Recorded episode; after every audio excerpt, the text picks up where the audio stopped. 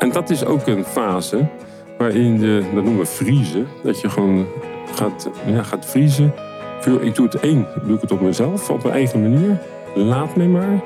Maar dat is het grootste gevaar dat je dan in een, in een isolement terechtkomt. Ja. En dan is de fase naar een depressie heel groot. Want uiteindelijk wil je, diep van binnen, wil je graag verder leven. Maar je laat het niet toe.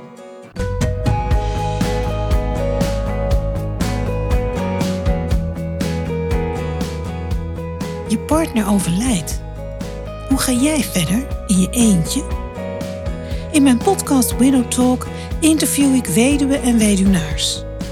We praten over alle facetten van ons verlies, de effecten daarvan en hoe we het leven weer op kunnen, nee, moeten pakken. Ook spreken we met bedrijven en andere experts die nabestaanden helpen hun leven weer op orde te krijgen. Met Widow Talk lever ik support voor jou na het verlies van je partner. Welkom, fijn dat je luistert.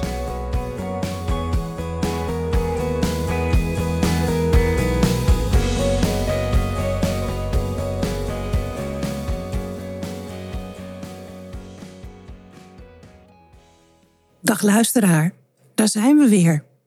Widow Talk, seizoen 3, aflevering 8. Zoals jullie van mij gewend zijn, heb ik weer een uh, interessante spreker. Ik heb aan tafel voor me zitten Elko Fritsje.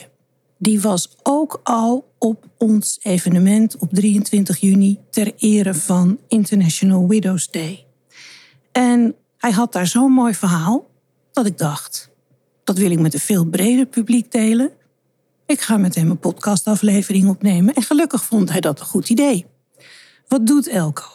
Elko is mastercoach NLP systemisch. Hij gaat straks vast even uitleggen wat dat precies is. Klinkt heel ingewikkeld en geleerd. En systemisch werken, moet ik eigenlijk zeggen.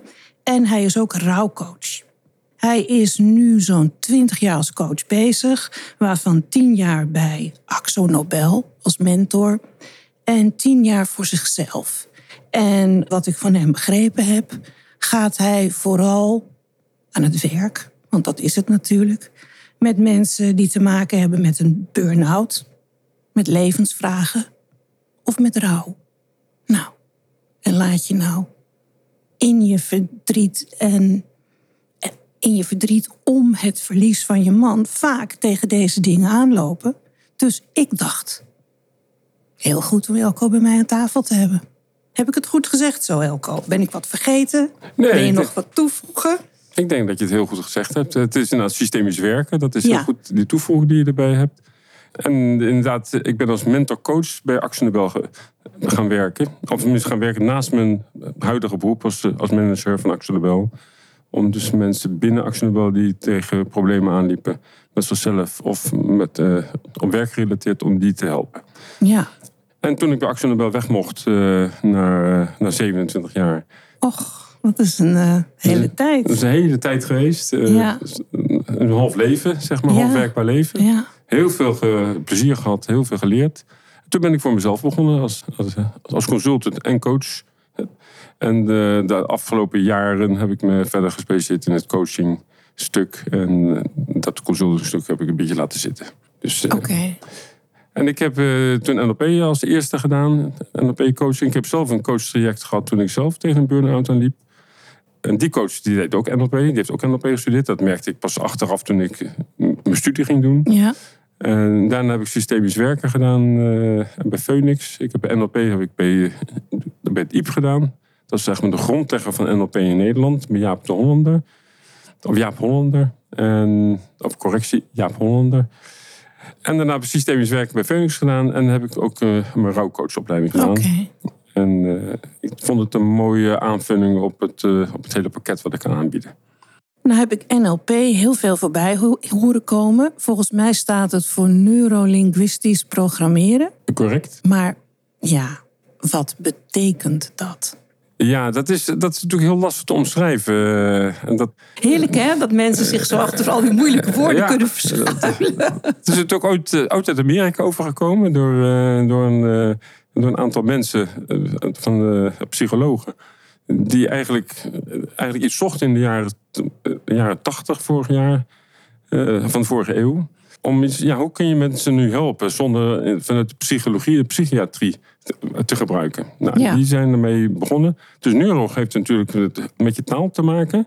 Linguistic, eh, of eh, het neuro heeft met je hersens te maken. Li- Het linguïsme heeft met taal te maken. En het programmeren, je moet je eigenlijk voorstellen, als je geboren wordt, is je, ik zeg het altijd maar, is je bovenkamer, je brein, is gewoon blanco. En dat wordt geprogrammeerd. Je moet eigenlijk voorstellen, dat is gewoon een harde schijf. En die wordt geprogrammeerd door je ouders, door je omgeving, door je ervaringen die je leert. En dat is prima. En daar werk je gewoon mee. Ja. Dag in, dag uit. Totdat je een moment komt van dat er ergens in de programmering iets fout is gegaan. Denk maar een krasje op een, op een, eh, op een dvd of op een cd. Ja. Dan krijg je zo'n eh, zo'n tikje of dan ga je weer naar hetzelfde nummer terug. Nou, als je dat gaat merken, eh, dan is het handig om daar een keer naar een goede deskundige, een coach te gaan. Om, dat, om, de- om die programmering wat anders, anders te krijgen. Ja. En dat noem ik herprogrammeren. Dus je eigen, wat, je, wat je doet is je, je harde schijf herprogrammeren. Door verschillende invalshoeken. En met name als coach luister ik heel goed. Dus de taal die mijn cliënt gebruikt, of de taal die hij niet gebruikt, dat zijn de, eh, de kapstokjes waarmee ik ga werken. Dus ook het niet iets zeggen kan heel veelzeggend zijn. Meestal, alles wat niet gezegd wordt, daar zit een lading op. En die wil de, de, coachie vaak voor zichzelf houden, maar daar zit vaak de pijn. Ja. En ik werk eigenlijk altijd op basis van wat er niet gezegd wordt. Of dat er iets gezegd wordt met een lachje. Of het weglachen van iets. Ja. Ja. En dat zijn de facetten waar je als coach eh, alert op bent. En dat leer je bij NLP heel goed. Om gewoon te luisteren. Want dat is coachen wat doen. En vragen te stellen. En naar de antwoorden te luisteren die daar weer op komen. En daar weer een nieuwe vraag over te stellen. En daar weer een nieuw antwoord op te krijgen.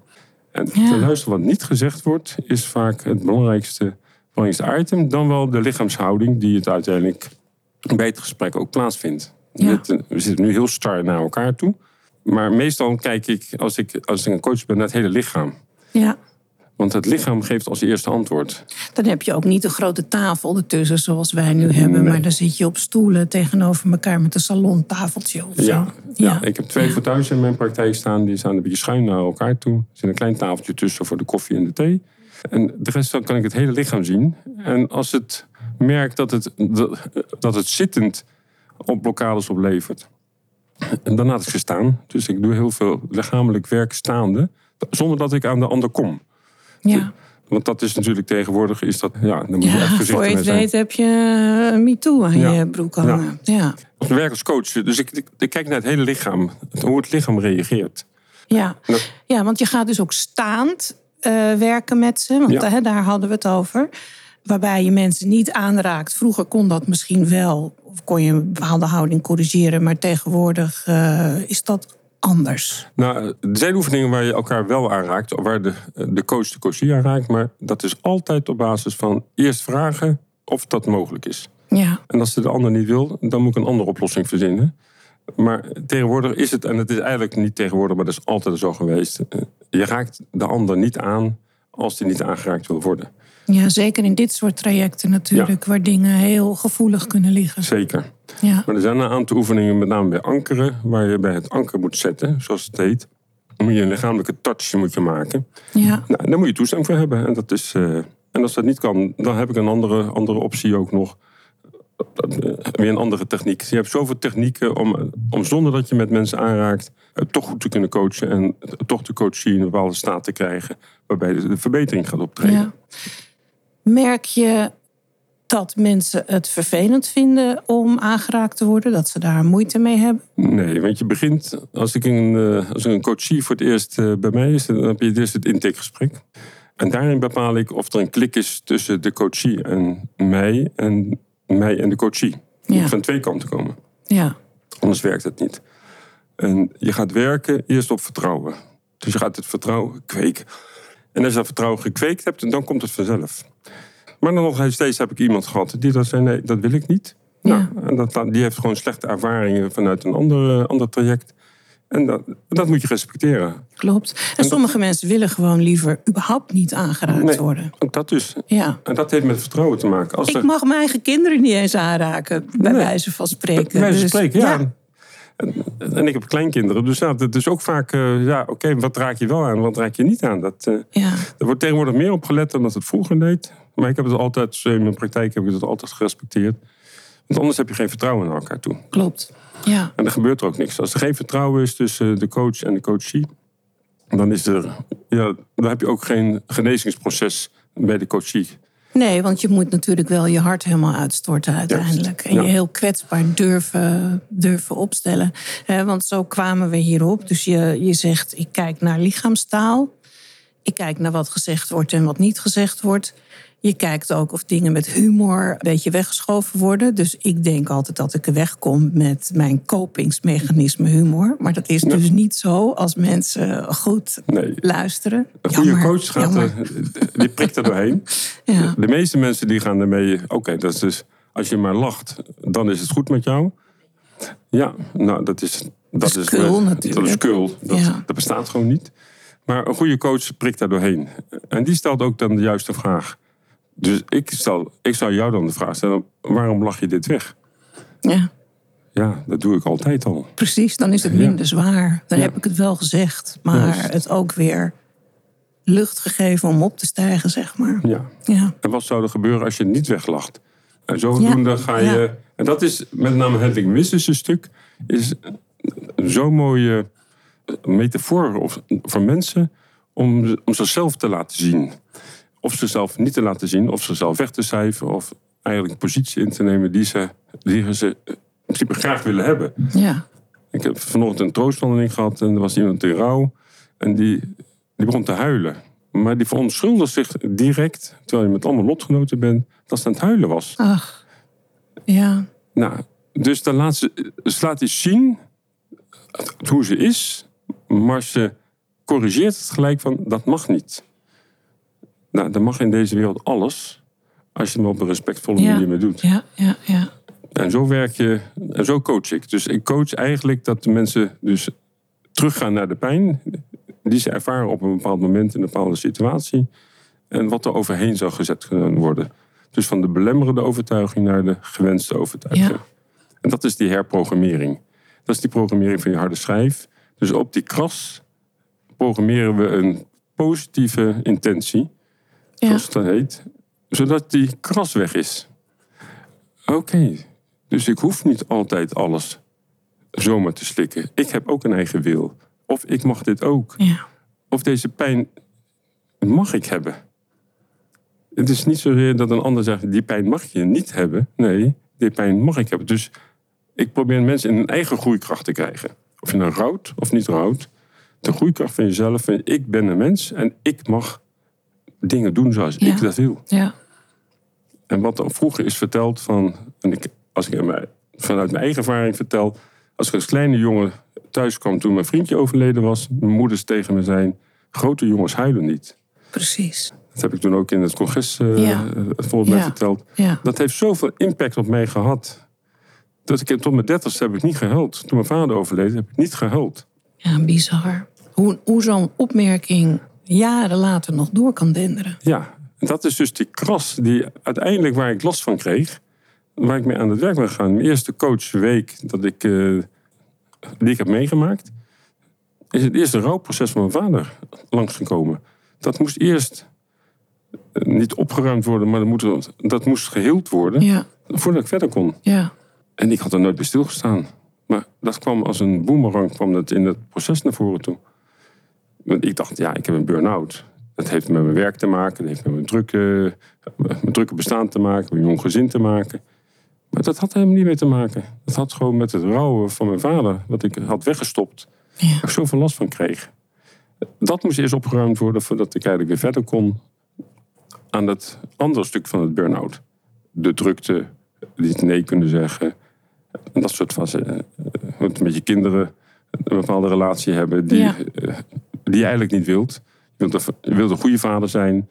Maar ik was meer een vader die weg was. En meer een vader van ja, het is nu eventjes snel en daarmee klaar. Nu even niet. Nu even niet. Dat is vaak. Of een boekje lezen, ja, even twee verhaaltjes en dan klaar. Ja. Terwijl mijn kind een derde verhaaltje wilde. Nee, daar heeft papa nu geen tijd voor. Nou, als dat de boventoon gaat voeren. Maar dan moest ik eerst dus dat, eh, dat rouwproces van mijn vader moest ik eerst voorbij. Dus daar heb ik eerst aan gewerkt. En toen kwam, oh, oké, nu vallen de andere puzzelstukjes op elkaar.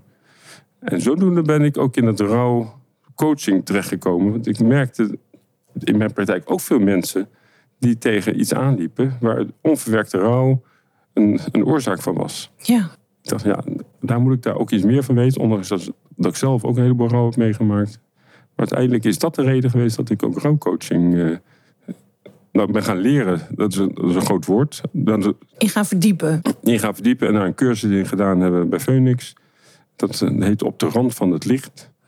Dan loop Mooi. je op de rand van het licht en ook in de donkerte. Dus op die randen, Ja. daar rouw je op. Is- Daartussenin zit je. en daartussenin zit je. En daar manoeuvreer je tussen. Ja. En er komt steeds meer licht bij en steeds minder donkerte. De eerste, de eerste fase met, met rouwen is alleen maar donker. Ja, en je went je misschien, als het licht komt, wend je daar ook vanaf. Omdat je dat Ja. niet wil of vindt dat dat niet hoort of wat dan ook. Ja, en het is eng. Ja. Ik had gisteren ging met mijn kleinzoontje eh, bracht naar huis, zodat hij heel wat anders heeft. Maar ook als je over, over, over licht praat. We hadden natuurlijk de laatste, de laatste weken hadden we zon weinig gezien. Ja. En eh, die werd weer naar huis toegebracht zonder zijn jasje aan, in zijn, in zijn kinderwagen of in zijn wandelwagen. En die zei: Grootvader, grootvader, die zon, die zon, zoals met zijn handjes voor zijn ogen, die kon niet meer aan de zon wennen. Ah, ja. Dus die moest ook weer wennen aan het licht. Ja. We zijn wel donker gewend, maar licht is gewoon, ja, daar gebeurt weer wat anders met je. Dus ik moest gelijk denken aan, joh, maar licht is mooi en zon is mooi. Eh, Het doet zo pijn aan mijn ogen. ja. Die ogen kunnen nog heel sensitief zijn. Ook Die zijn heel. Ja. sensitief, ja. Dus dat vond ik een mooie metafoor. Net Ja. we hierover hadden, over licht en donker. Dan speelt dat ook gewoon mee. Die zit Ja. ook tussen licht en donker te werken. Ja, boeiend. Ja. ja. En jij zei eh, net iets wat mij een beetje triggerde. Eh, mensen die omgaan met rouw en niet weten of ze het goed doen of niet goed doen. En dan ook geconfronteerd worden met oordelen, vooroordelen die er bestaan over hoe je met rouw omgaat. Wat rouw is, hoe je rouw beleeft. Wat zijn naar jouw idee de grootste belemmeringen die mensen daarin zien? Of dat ze denken, zo hoort het, maar ik voldoen niet aan het beeld. De grootste belemmering is, is je familie. Oké, en van je familie moet je het hebben. Van je familie moet je het hebben. Maar je familie en je omgeving, je omgeving is wat groter woord, maar dan zijn Ja. de buren, je vrienden. Die vinden het best dat je even mag rouwen. Maar op een goed moment hebben ze genoeg van die tranen. En dan zeggen Ja. ja. nou is dat goed. Nou mag je, nou mag je weer gaan leven. Ja, Nou, doe het maar. Dat is zelf tegen een kind zeggen van... Oké, nou mag je dit gaan doen en doe het maar. En het kind denkt, maar hoe moet ik dat dan doen? ik moet het nog leren. Ik moet het nog leren. Help mij Ja. daarmee eh, te aan de slag te gaan. Wat moet ik dan precies doen om te doen om te leren leven? Nou, dat geldt voor, voor een rouwende ook. En hetzelfde is ook zo'n zo'n dooddoener. Geef hem maar een plekje. Ja. een plaatsje en dan is het wel klaar. Ja, dan zeg ik altijd waar. In mijn kleine pink of in mijn grote teen, waar? Ja, Waar stop ik het? daar is niks waar. Ik zeg, het rouwen is een proces, is een arbeid, dus het werken, dat je je hele leven doet. Het is het beleven van de rouw. Niet het leven in de rouw, maar het beleven van de rouw. En dat is mijn eigen ervaring praten toen mijn vrouw overleed. En daarna een nieuwe relatie aanknoopte, waar mijn overleden vrouw ook volledig achter stond. Zeiden de omgeving, niet mijn directe omgeving, maar wat verder weg. Oh, dat is wel heel snel dat je weer met een nieuwe vrouw gaat. Ik zei, ja, maar ik ben al anderhalf jaar bezig met rouwen. Toen mijn vrouw kreeg dat ze kanker had. En dat het, eh, dat het zwaar was en waarschijnlijk ook niet te genezen. En toen kwamen we al in het, in het eerste stukje rouw. Dus het onder ogen zien van de realiteit. Ja, Dat is de eerste fase van het. De belangrijkste, de eerste en de belangrijkste fase van het rouwen.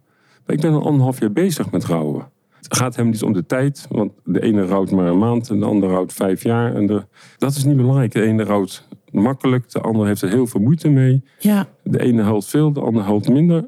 Daar is geen maatstaf voor. Er is ook geen boekje voor. Er zijn heel veel boekjes over rouw geschreven. ja. Het is wat je er zelf uithaalt. Uit die boekjes. Ik heb wel eens een cliënt die... Ja, maar hoe moet ik dat dan doen? Dan geef ik hem een, een standaard boekje, wat ik altijd heb liggen. Dat is gewoon een boekje zonder, zonder tekst. En dat geef ik dan, joh, als je bladzijde 5 tot en met 8 doet, dan ben je er vanaf. En ze slaan dus 1, 2, 3, 4, 5 open. Ja, daar staat niks. Ja. Ik zeg nee. Ik zeg, maar wat wil je dan? Ja, dat je advies geeft hoe ik moet rouwen. Ik zeg nee, ik ga je behelpen hoe je mag rouwen. Er is geen moeten bij, er is een mogen bij.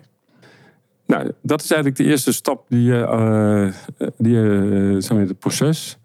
En je merkt als mensen dus de, de rouw niet hebben gehad, zoals ik zelf ook even heb ervaren, maar ook heel veel van mijn cliënten, dan lopen ze tegen zo'n kras aan. En die kan vandaag ontstaan, die kan pas over tien jaar ontstaan of twintig jaar ontstaan.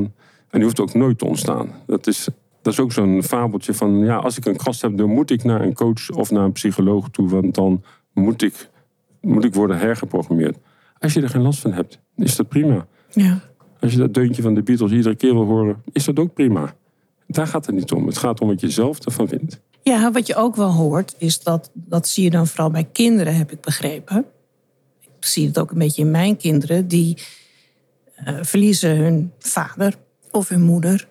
En weten helemaal niet zo goed hoe ze daarmee om moeten gaan. Dus stoppen dat weg. Maar dat kan twintig jaar later alsnog voor een probleem zorgen, heb ik me laten vertellen. Zeker. Uh, Dan is er een andere trigger. Er is een andere trigger. Toen mijn vrouw overleed, uh, had ik drie zonen. De oudste was 21 en de jongste was, dacht ik, 14, uit mijn hoofd gezegd. Die zijn allebei drie, alle drie hebben de mogelijkheid gehad met een psycholoog aan het werk te gaan. Ik had een psycholoog uh, vanuit de, de, de Le Chance Stichting. Dat is een stichting voor gezinnen met, met een kanker in de, bij een van de partners. Ja. En die worden begeleid voor de overlijden, dus tijdens het ziekteproces, maar ook daarna. Mm. Uh, daar had ik me voor ingeschreven, daar was ik ook uh, bij aangesloten. En die psycholoog heeft met mijn kinderen gesproken. En mijn kinderen zeiden, nee, dat doe ik zelf al. Dat is, dat is toch niet zo moeilijk rouwen. Nou, dat moet je ook laten. Als kinderen, dan Ja. kan je het enige wat de psycholoog tegen me zei, wat ik zelf ook wel wist, is gewoon ernaast staan. Ik ben er voor je. Precies. En, eh, en als, je, als je me wil hebben, als je me toelaat, dan, Een beetje met te vinden. Dat is eigenlijk wat je, wat je... Dus ik heb met drie kinderen, die hebben alle drie een ander rouwproces. En dan zie je dus dat ieder op zijn eigen manier rouwt. De Ja. oudste had een relatie en die zat voor zijn eindexamen voor de HTS. En die kwam naar mij toe eh, vragen, papa, wat is nou belangrijker? Mijn diploma of het rouwen om mama? En toen zei ik, ja, jongen, ik zei, wat zegt je hart? Ja, ik wil graag het diploma halen. Daar heb ik dus vier jaar voor gestudeerd. En eh, ik zei, dan ga je daar gewoon voor. Ik zeg, dat rouwen, dat komt wel. Toen zijn relatie overging naar tien jaar, toen kwam pas de ruimte om te rouwen. En toen kwam alles tegelijk. En toen kwam alles tegelijk. Mijn tweede zoon had een heleboel vrienden. Waar we heel veel gesproken hadden. Er waren ook twee vrienden die ook een, eh, een vader of een moeder hadden verloren. En daar is het rouwproces eigenlijk gewoon geruisloos gegaan. Die had een uitlaatklep waarbij Ja. hij Herkenning had hij. herkenning en ja. erkenning. Ja, ja. En de jongste, die had geen vrienden op dat moment nog. Of te weinig vrienden. Dus die heeft heel veel last van gehad. Was ook moederskindje. Maar uiteindelijk toen hij wat ouder werd, 18, 20, toen kwam voor hem het rouwproces. En zijn we trouwen pas, eh, pas aan de orde. Ja. Daarvoor zat hij eigenlijk met zichzelf in de knoop. Eh, puberteit en school en eh, diploma's moeten halen. Willen halen. Hij wilde echt dat zelf. Nou, dus ik, die geef je er gewoon de ruimte. Daar is dus ook geen boekje voor. Van, Nee. Als, iemand, als je iemand kwijt bent, dan moet ik gelijk gaan rouwen. Ja, ik heb dus al, ik ben gelijk gaan rouwen toen ik die boodschap kreeg. Ja, en dat was voor mij de, rouw, de rouwperiode. Ja. Je wist, we moeten afscheid gaan nemen op termijn. Ja, mijn kinderen nog niet helemaal, maar wij twee zeggen, nou we gaan ervoor. Mijn vrouw wilde er graag voor gaan om van alles nog te proberen om, om een stukje levensvreugde nog te krijgen. Kwaliteit van leven Ja, en dat heeft ze anderhalf jaar vol kunnen houden. En toen was het, eh, het, was het kaarsje bij haar ook op. ja. En, eh, maar dan is het proces waar je al mee bezig bent. Je bent er voor elkaar op dat moment, maar je bent ook aan het rouwen. Ja. Degene die weet dat hij achterblijft, die is aan het rouwen. En dat, ja, en dat gaat vanzelf. En toen mijn vrouw overleed, kwam ik dus ja, op de bank te zitten. En, en toen vroeg ik mijzelf, ja, ga ik nu op de bank zitten? Of ga ik mijn leven leiden zoals ik graag wil, eh, eh, wil leiden? Toen heb ik voor het laatste gekozen. En dat, doet, dat is het moeilijkste. Je kan het liefst op een hoekje in de bank zitten en gewoon wegkwijnen. Dat is voor jezelf het makkelijkste. En voor Dat de is heel omgeving zeker. verleidelijk. Dat is heel Ja. verleidelijk, ja. Gelukkig had ik twee kinderen nog thuis wonen waar ik voor moet zorgen. Die natuurlijk me ook eh, boven Jan hebben gehouden. Ja, En daarnaast heb ik een nieuwe partner gevonden. Die je natuurlijk ook weer, weer stimuleert. ja, Maar uiteindelijk moet je het zelf doen. ja. En dat doet Ja. gewoon pijn. Want naar een feestje heen gaan is niet zo erg. Maar van het feestje terugkomen, dat is wel erger. Alleen thuiskomen, Ja. je verhaal niet kwijt kunnen. Ja. Ja, ja. Nou, en zo heb ik mezelf, mijn eigen rouw, heb ik dus onder ogen gezien. En gewoon gezegd, ja, wat wil ik? En dat is de belangrijkste vraag, ook in mijn rouwcoaching. Wat wil de ander? Wat wil jij met, met rouwen omgaan? Ja, ja. En dan maakt het niet uit, hè, want zo kwamen we hier. Wat zijn belemmeringen? Nou, dat is onder andere je familie, zei je, of je omgeving. Want die vinden, Die het vinden heeft dat lang genoeg geduurd. Ja. Nou moet je verder gaan. Of die vinden, je gaat te snel verder. Ja, Wat dat betreft doe je het eigenlijk nooit goed. Maar ik denk dat we het wel over eens kunnen zijn... dat na een maand of twee, drie... willen ze eigenlijk de verhalen allemaal niet meer zo graag. juist. En waarom willen ze niet horen? Omdat het hun ook pijn doet. Ja, ja. Ze willen eigenlijk van hun pijn af. Ja, en, ja, en dat kunnen zij omdat zij niet dagelijks ermee geconfronteerd Juist. worden. Maar in gesprekken met jou dan weer wel. Ja. Ja, ja. En dan zetten ze eigenlijk weer de pijn opzij. Wat je eigenlijk ook zelf als rouwende kan doen. Ik zet de pijn opzij. Ik kijk er niet naar en ik heb het niet. Dat is jezelf eigenlijk een beetje, een beetje verlogenen. Want het gevoel, de rouw komt vanzelf als een boemerang een keer weer terug. ja, ja, Bij mensen die ernaast staan wat minder. Maar, maar ook daar kan het terugkomen. Als je, als je, als je een eh, broer of een zuster verliest. Dan kan die rouw ook weer na Ja. een aantal jaren terugkomen. ja, ja, duidelijk. Ja. Zijn er nog andere dingen waar je tegenaan kan lopen als rouwende? Dat, je, dat je alleen komt te staan. En niet alleen eh, in, de, in, de, in de zin dat je helemaal alleen bent. Want je hebt best vrienden om je heen en kennis om je heen. Maar die wil je gewoon niet belasten. Ja, Dus Ja. je bent niet alleen, maar je voelt je alleen. ja, Of dat je overal alleen voor staat. Je moet alles op dat moment zelf gaan doen. Wat je vroeger met z'n tweeën kunt overleggen. Dat kan niet meer als je geen, geen nieuwe relatie op dat moment nog hebt. En dat is ook een fase waarin je, dat noemen we vriezen. Dat je gewoon gaat, ja, gaat vriezen. Ik doe het één, doe ik het op mezelf, op mijn eigen manier. Laat mij maar. Maar dat is het grootste gevaar dat je dan in een, in een isolement terechtkomt. ja, En dan is de fase naar een depressie heel groot. Want uiteindelijk wil je, diep van binnen wil je graag verder leven, maar je laat het niet toe. ja. Ja, wat dat betreft, eh, ik zit op allemaal van die Facebookgroepen. En we hebben ook onze eigen community natuurlijk met widowsandwidowers.nl. Maar hoe vaak ik niet lees dat mensen na vijf jaar of na tien jaar nog steeds dat hele heftige gevoel van gemis eh, ervaren. Of zeggen het komt nooit meer goed. Dan denk ik, joh, wat verdrietig. Het moet een hele mooie liefde geweest zijn als je dat nog steeds na zoveel jaren zo intens voelt. Maar het is ook zo jammer dat je niet weer gelukkig kan worden op een andere manier. Ja. Nog steeds respectvol en liefdevol naar degene die je bent verloren, maar toch ook respectvol en liefdevol naar jezelf en je verdere leven. Ja. En daar heb ik toen uh, zo'n mooi boekje, wat- dat is het enige wat mij is bijgebleven, dat is het woordje loslaten. Dat gebruik ik natuurlijk in mijn coaching ook, in burn-out coaching of in levensvragencoaching.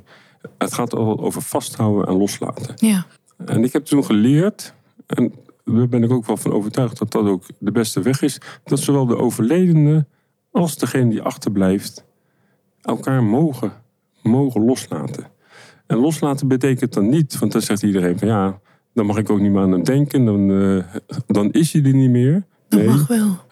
loslaten betekent dat je de herinneringen aan hem of aan haar en alles wat ermee samenhangt in je hart meeneemt. Maar je laat hem los in zijn eigen, eigen weg. Want een dode heeft ook een weg te gaan. Die we niet weten hoe die is. En we weten ook niet hoe lang die gaat duren. Maar als je hem niet loslaat, hem of haar niet loslaat, dan kan je zelf ook niet een nieuw leven beginnen. Ja, oké. Ja. En dat is ook een fase waarin veel, eh, veel rouw blijft zitten, onver, onverwerkte rouw. Dat, zeg maar, het, eh, als je na tien jaar nog heel veel pijn hebt, en dat mag, want er is ook geen tijd voor gebonden. Nee. Maar dat geeft ook weer, als ik als coach naar kijk, van oké, maar wat heb je dan wel durven los te laten? Heb je hem wel durven los te laten? Want het vasthouden van de ander, dat, sur- dat heeft een, sur- eh, een soort sur- surrogaatmedicijn voor jezelf.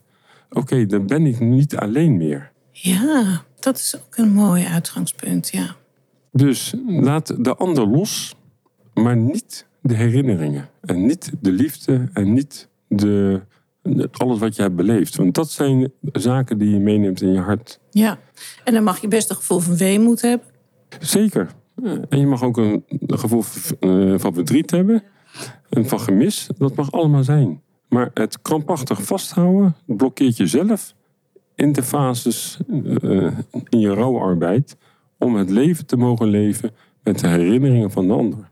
En dat is een, dat is een delicaat en lastig proces vaak. Ja, Maar dat kan niet ontstaan zijn voordat je de eerste fase, zeg maar, de onder ogen van de, de realiteit onder ogen zien. En ook het, het, eh, eh, zeg maar, het weer alleen zijn, fysiek alleen zijn zonder de ander. Want dat is, heeft ook met loslaten te maken. Als je, dat, als je die fase door kan, door het los te laten van de overledene en zijn eigen rust te gunnen, zijn eigen weg te gunnen, dan moet je maar eens kijken wat ze dan met degene die achterblijft over wat daarmee gebeurt. Die krijgt opeens, die ziet het licht weer in plaats van de donkerte. dat, ja, en dat klinkt heel mooi. En dat loslaten is natuurlijk verdomd moeilijk. Dat is het moeilijkste wat er is. Ja, ja.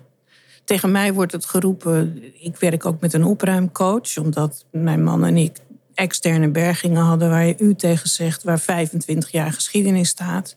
Plus allemaal elektronische gadgets waarvan ik niet eens weet wat het is. En die zegt ook steeds: je moet loslaten. Je moet, je moet niet zo vasthouden. Nee, en Je- ja, wat ja. ik nu hoor bij jou, en wat ik natuurlijk heel veel hoor, en ook bij mezelf hoor, ik betrap mezelf ook, ik ben ook maar mens. Om mijn partner te zeggen van ja, als ik iets fout doe, ja, je bent toch coach, je weet toch hoe het moet. Voor jezelf is dat weer heel anders. Hè? Ja, Ja. Dus zeg maar, ik ben ook mens, dus Ja. ik doe soms ook wat dingen die gewoon niet zo handig zijn. Ja, gelukkig waar. En waar ik achter kom, oké, dat had ik beter anders kunnen doen. Dat woordje moeten. In onze maatschappij moeten we van alles. Als mensen bij mij in mijn praktijk komen, is het eerste wat er gebeurt, is het woordje moeten eruit. Ik zeg, in deze vier muren wil ik het woordje moeten niet meer horen. Het woordje mogen. Of willen. Ja, ja, ja. Want dat zet aan tot, eh, tot verandering. Het woordje moeten blokkeert. En dat geeft ook weer een vriesgedachte. Oh, ik moet mijn tranen inhouden. Want ze willen ze niet meer zien. Nou, je moet je tranen niet inhouden. Als jij wil dat je tranen inhoudt, is prima. Maar als je je tranen wil laten zien, is, Is ook prima. En laat de ander dan, die moeten maar mee dealen. Ja, precies. Ja. Dus dat is het woordje moeten in onze maatschappij. Dat, dat blokkeert op alle kanten. En als jij zegt, ik moet opruimen. Ja, ik moet het van mezelf. Ja. Maar ja, het wordt me ook wel ten sterkste aangeraden door anderen. Vooral vanuit het idee van als je loslaat, dan maak je weer ruimte voor iets nieuws. Dat kan, dat klopt. En in mijn geval met die externe opslagboxen kost gewoon veel euro's per maand. Mhm. Dus ja, dan blijft er, dan kan ik een beetje sparen of er blijft Ja. geld over voor iets anders. Noem maar, noem maar op. Dus dat is ook nog eens een keer verstandige financiële beslissing om dat Ja. te doen. Maar als je nou eens een keer voor jezelf zegt van ik wil dit. Ja, nee, ik wil het helemaal niet. Het voelt altijd als we moeten. Nee, nee, dat is niet waar. Ik wil het wel, maar ik kan het nog niet voldoende. juist. Ik denk dat het daar Maar het zit. begint met willen. En als je dit kan, dan zoek je een externe op Nou. die je gaat helpen. Exact, dat heb ik ook gedaan. Dus ja. als mensen. En dan blijf ik nog steeds heel ongrijpbaar hè, voor Oh, haar. ja. Sorry, Lotte. Ja, Ja, en zo, en zo werkt het ook. Maar het woordje moeten blokkeert. Het woordje willen en mogen, dat activeert. ja, En als je nog niet kan, nou, dan zijn er zat mensen in de omgeving of in de wereld die jou kunnen helpen. ja. En dat is, als mijn cliënt binnenkomt, feliciteer ik als de cliënt als eerste. En dan zeggen gefeliciteerd dat je bij me langs durft te komen. ja, het is wel een eerste stap. Hè? En Ja. toen zeggen ze, feliciteren. Wat is, dan, wat is dan feliciteren? Ik zeg, dat is de eerste stap die je hebt mogen zetten. Die je voor jezelf hebt gezet. Van, Ik kan, ik wil het wel, maar ik kan het nog niet. Kan jij me helpen? Nou, dat is, eh, als die vraag gesteld wordt, dan ben je al 50% eh, van je genezingsproces heb je achter de rug. Ja. En dat geldt ook in het rouwproces. Als je, als je, als je wilt rouwen, en niet moet rouwen van de omgeving of moet stoppen met rouwen, dan blokkeert je. Zet je hak in je zand van, eh, ja, ik moet het wel, maar ja. Ja.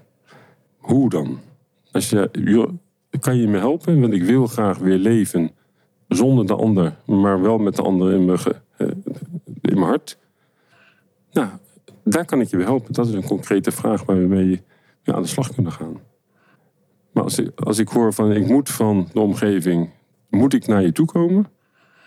Nou, natuurlijk een, een duwtje in de rug werkt natuurlijk altijd wel goed. Ja, ja, Maar uiteindelijk mag je zelf bepalen of je het wilt. Ja, exact. Nou, soms moet je over een drempel geholpen worden. Hè? In, in, mijn vorige leven was ik eh, manager van de grote afdeling. En dan had ik ook wel mensen die ehm, langdurig ziek waren, om wat voor reden dan ook. En dan voelde ik dat ze nog niet wilden gaan werken. Maar aan de andere kant dacht ik, ja, maar het is wel tijd om weer te gaan werken. En het is ook heel makkelijk, het is niet makkelijk natuurlijk, maar veilig om te blijven hangen in dat onbehagen. Maar je, het moet ook een beetje gaan schuren. En je moet toch ook weer even gaan kijken hoe dat is. Dus dan was het altijd een, nou, een soort koorddansen hè, tussen eh, aandacht voor de, voor de werknemer en dat onbehagen, maar ook kijken van hoe kan ik je helpen om al is het maar een uurtje per dag toch weer even terug te komen om langzaam weer in het werkende leven In terug te komen. arbeidsproces terug te ja, ja. Nou ja, dat is, was, eh, was soms best ingewikkeld en dat liep meestal wel goed af. En dan zeiden ze later ook, ja, toch fijn dat je me even dat setje gegeven hebt. Was vroeger, in de, dat praat ik over, over 10, 20, 30 jaar terug, was ben je een burn-out, dan moet je van je werk af. Dan moet je gewoon thuis blijven zitten en net zo lang tot het, eh, Tot het over weer- is. Tot het over is. Gelukkig zijn de huidige theorieën en de huidige onderzoeken hebben, hebben aangewezen, en dat gebruik ik in mijn praktijk, van contact houden met het werk is nog veel belangrijker. En niet dat je dan achter moet werken. Maar als ik iemand met een burn-out heb, een zware burn-out, dan laat ik hem de eerste twee, drie maanden laat ik hem vrij van werk. Maar dan stuur ik hem wel eens een keer voor een kopje koffie. Ga eens een kopje koffie drinken. Ja, En dan ook met de cliënt over, of met, eh, met de medewerkers of de leidinggevende overleggen. Hij komt of zij komt alleen een kopje koffie drinken. Dus praat even gewoon- contact houden. praat gewoon met elkaar. Niet over werk, maar praat gewoon met elkaar. Dat moet van twee kanten moet het wel geïnstrueerd worden. Want het grootste gevaar is dat ze. Oh, je- oh, je- weet je hier toevallig ook nog iets van? Wat het Ja. zijn toevallig. En dan. Nee, het moet echt oppervlakkig blijven. Dus ik laat ze altijd contact houden met werk. En dan is een burn-out tussen haakjes het snelste genezen.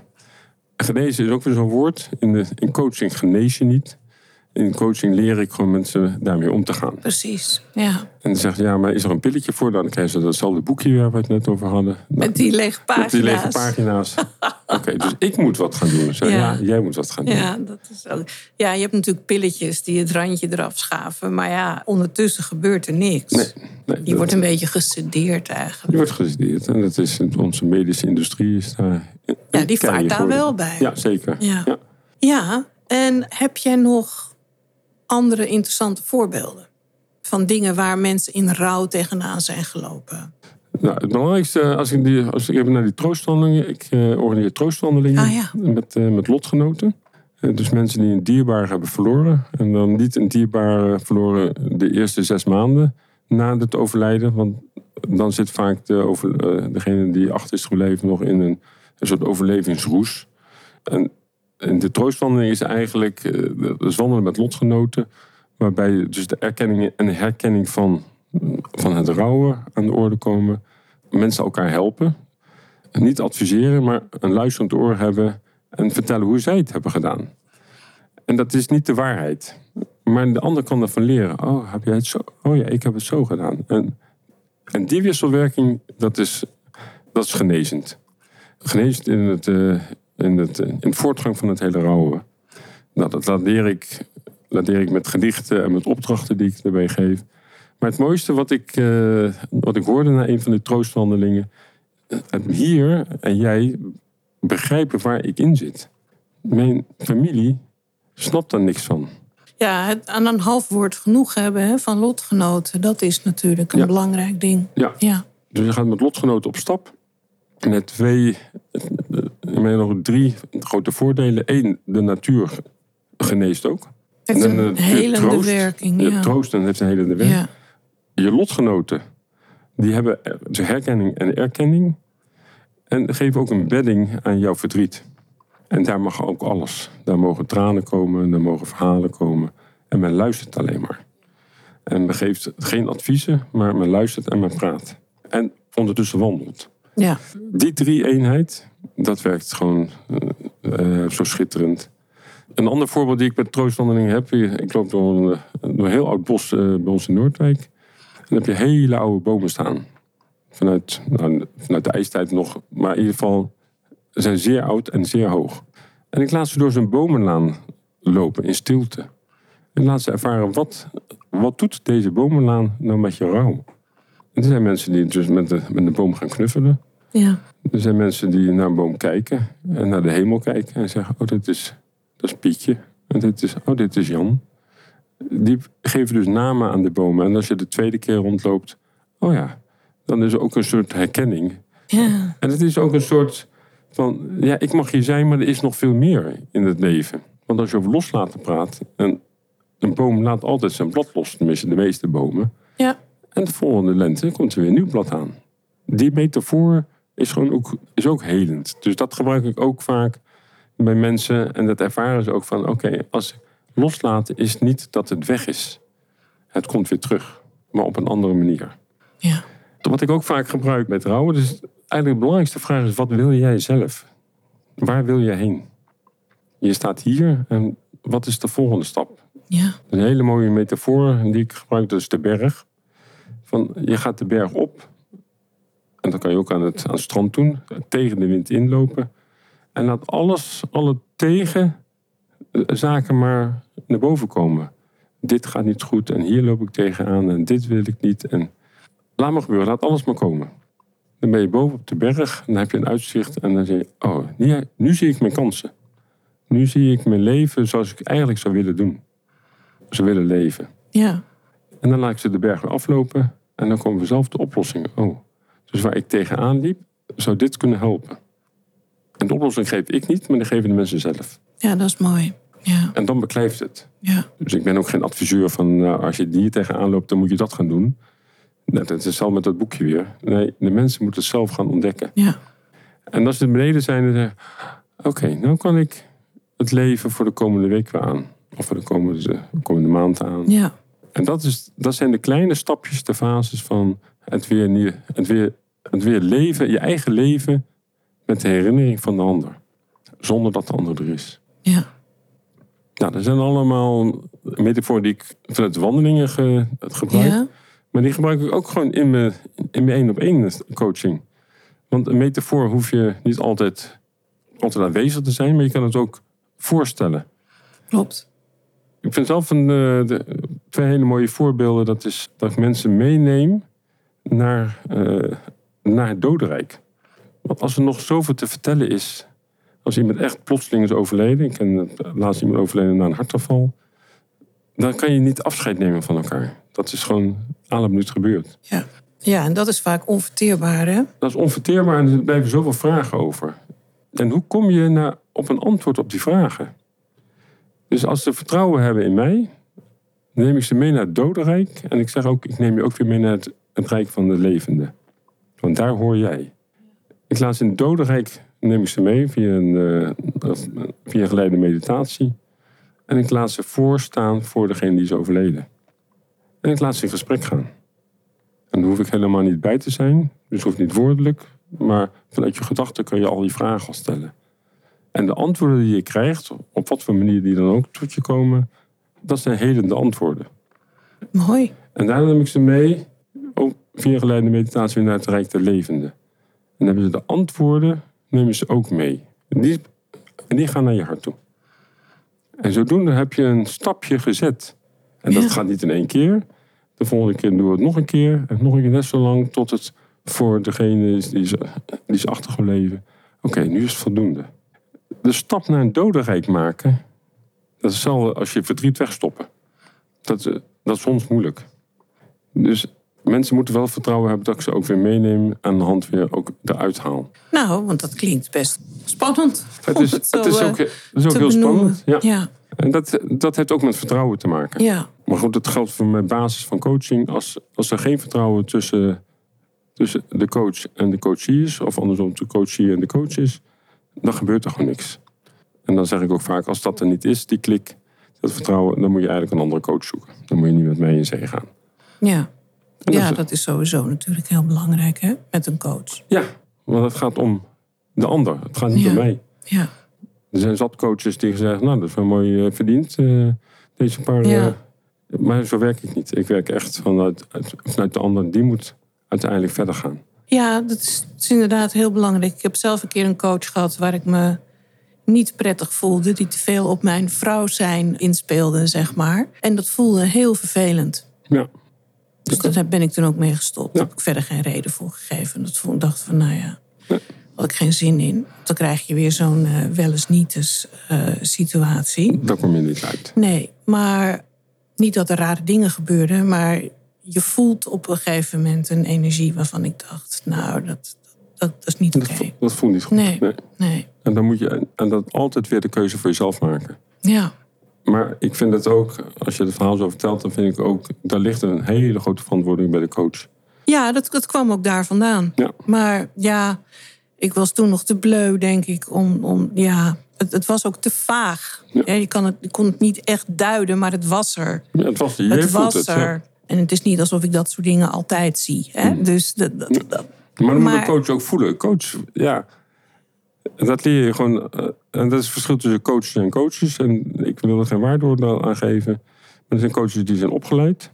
Die hebben daar een grondige studie van, eh, van gehad.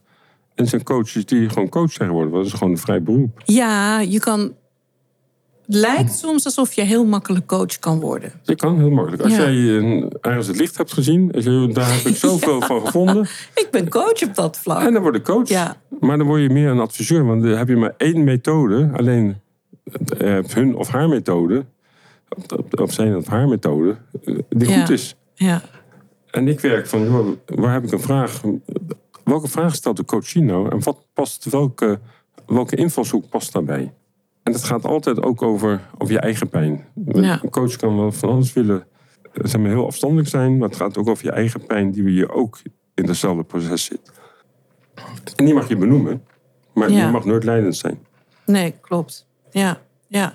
Dus hè, veilig voelen bij je coach. Dat is, eh, dat is cruciaal natuurlijk. Kijkend naar hoe je jezelf eh, blootgeeft. Emotioneel. Zeker. Ja, ja. We zitten alweer 50 minuutjes te praten met Oh, elkaar. Dus dat, dat- gaat snel. dat hè? gaat snel. Time flies when you're having fun. Dus ehm, is er nog iets wat je niet gezegd hebt... wat je nog wilt delen met de luisteraar? Waarvan je zegt, nou, dat moet nog even kwijt. Nou, wat ik het belangrijkste de boodschap die ik altijd uitdraag, is denk aan jezelf en neem de stappen die je zelf wil doen. Ik kom te, te- vaak mensen tegen die al in een zware burn-out zitten, of de- die al in een zware rouwproces zitten, waar het veel langer duurt om daar weer uit te komen. Ja, Het is voor de ander veel beter als ze, zodra ze iets herkennen van eh, ik zit niet goed, eh, niet goed in mijn vel en ik wil het wel, maar ik kan het niet, om dan goed naar jezelf te gaan luisteren. En dat is het, dat is het meest lastige. Mensen luisteren heel sle- slecht naar zichzelf. Dat geldt ook op medisch gebied. Dat geldt ook op psychisch gebied. ja, En dat heeft alles met signalen te maken. Luisteren van de signalen. Als een goede vriend iets tegen je, tegen je zegt en die, die echt als goede vriend om jou bekommert, dan mag je daar naar luisteren. Niet naar luisteren, maar ook tot je laten doordringen. tot je nemen. Ja, Wat zegt hij nou Ja. eigenlijk? En heeft hij gelijk? Of vraag, of vraag door bij die, bij die vriend of bij die kennis of bij je collega. Want vaak hebben die een veel beter beeld van jezelf dan de directe omgeving. Je man, je kinderen, eh, dat staat eh, te veel nauw bij je. Of, je. of je broers en zussen. Maar je vrienden en je collega's, die kennen jou. Die kennen jou op een, op een neutrale manier. Ja, op een andere manier, ja. Ja. ja. En daar merk ik, eh, als ik ook, ook met mijn cliënten in gesprek ga, vraag ik altijd, hoe kom jij nou bij mij terecht? Nou, 9 van de 10 gevallen gaat het via dat kanaal. Oké, interessant. Maar ze zeggen ook gelijk, ja, maar mijn vrouw zei ook al de hele tijd dat ik, eh, dat ik naar een coach toe moet. Ja. En daar luister je niet naar. Nee, nee, nee. Je wil eigenlijk van je partner niks aannemen. Het is toch wel heel bijzonder. Dat is heel bijzonder. Je, je, je gaat Ja. wel een heel leven samen met je, met, Ja. met je partner aan. Je hebt kinderen of, of, of geen kinderen, daar gaat het niet. Maar verder moet hij vooral niet te veel opmerkingen hebben. Nee. En, eh, Nee. nee. Ja. En dat is waar ik, eh, dat is toch de belangrijkste boodschap. En het zelf niet kunnen, hoef je niet voor te schamen. Nee, ik denk dat de kracht juist zit in erkennen dat je het niet zelf kan en hulp zoeken. Ja, en als je kracht wil uitstralen, als, als je de stap neemt, zoals ik net zei, dat je de felicitaties krijgt dat ze de stap hebben genomen om naar, om naar mij toe te gaan of naar een andere coach toe te gaan, dat ze dat ervaren van, oké, dat is een cadeautje wat je aan jezelf geeft. Ja, En dat cadeautje mag je zelf ook uitpakken. ja. Dus dat wou ik graag als eh, laatste boodschap meegeven aan iedereen die luistert. Luister naar jezelf. En luister ook echt naar, je- naar jezelf. En luister vooral ook naar je vrienden. ja. Nou, dankjewel Elko. Dat is nog een mooie boodschap. Graag gedaan. Ik vond het leuk om hier eh, te zijn. Ja, ik vond het fijn Ja. dat je gekomen bent en de file getrotseerd hebt. Ja, Ja. dat is ook lastig bij Amsterdam. Ja, ja. Het is even niet anders. Dus, eh, ja om naar Amsterdam te komen moet je echt eh, af en toe even wat moeite doen. dan hè? moet je echt moeite doen. dan maar moet je, je, echt door je- krijgt wel wat. dan moet je door je pijn heen. En dan kom je, bij, je, dan kom je bij jou in je hele kleurrijke Precies, kom je omgeving. van een kleurexplosie. Ja. ja. Een hele mooie koeien heb je op de achtergrond staan. Ja, ze moeten, het moet allemaal nog opgehangen worden, de kunst. Als het goed is, over twee weken hangt het allemaal. Ja, ja, kom ik weer. voor een Voor vervolg. vervolg. Ja. Goed, dankjewel luisteraar. Vandaag weer een eh, boeiende aflevering met Elko over het belang van coaching. Hoe je moet kijken dat je coach bij je past. Hoe je er ook van overtuigd moet zijn vanuit jezelf dat je hulp nodig hebt. En dat je die hulp ook wil accepteren. En dat je daarvoor open staat. En je vooral niet te veel laat vertellen wat allemaal moet door je omgeving. Maar dat vanuit een eigen intrinsieke wil gaat, eh, gaat oppakken op een manier die bij jou past. Want daar valt of staat het natuurlijk mee. Als jij een coach zoekt die werkt met een methodiek die bij jou niet resoneert, dan gaat het gewoon niet, eh, gaat dat niet werken. Dus daarin mag je best heel kritisch zijn. Nou, dat heeft Elko ook heel duidelijk aangegeven. En dan uiteindelijk, als je dat doet, is dat het mooiste cadeau wat je jezelf kan geven. En dat betekent niet dat je je rouw of je verdriet wegstopt. Maar dat betekent dat je er op een manier mee omgaat. Dat je er ja, bijna het optimale uithaalt, zou ik willen zeggen. Dat je je herinnering en dat stukje weemoed en dat stukje verdriet nog steeds hebt. Maar daarmee kan leven op een manier die voor jou werkt. Waarbij je ook weer je kan openstellen voor andere ervaringen, voor nieuwe ervaringen. En ook voor jezelf. Gewoon kijken naar wie ben ik nu? Wat ben ik nu? En wat wil ik? En hoe ga ik dat manifesteren? Om nog even een mooi woord te gebruiken.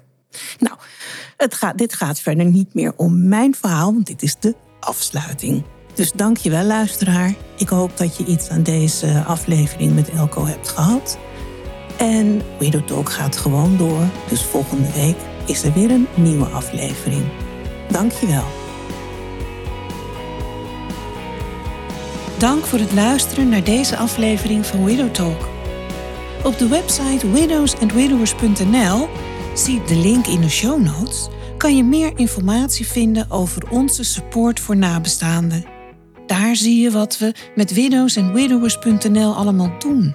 Onze activiteiten, blogs, shop en ook een overzicht van onze eerdere Widow Talk afleveringen. We horen graag je feedback via mail en social media. Vergeet je niet je te abonneren op Widow Talk, zodat je geen aflevering mist. Geef je ook nog even een review of een rating zometeen.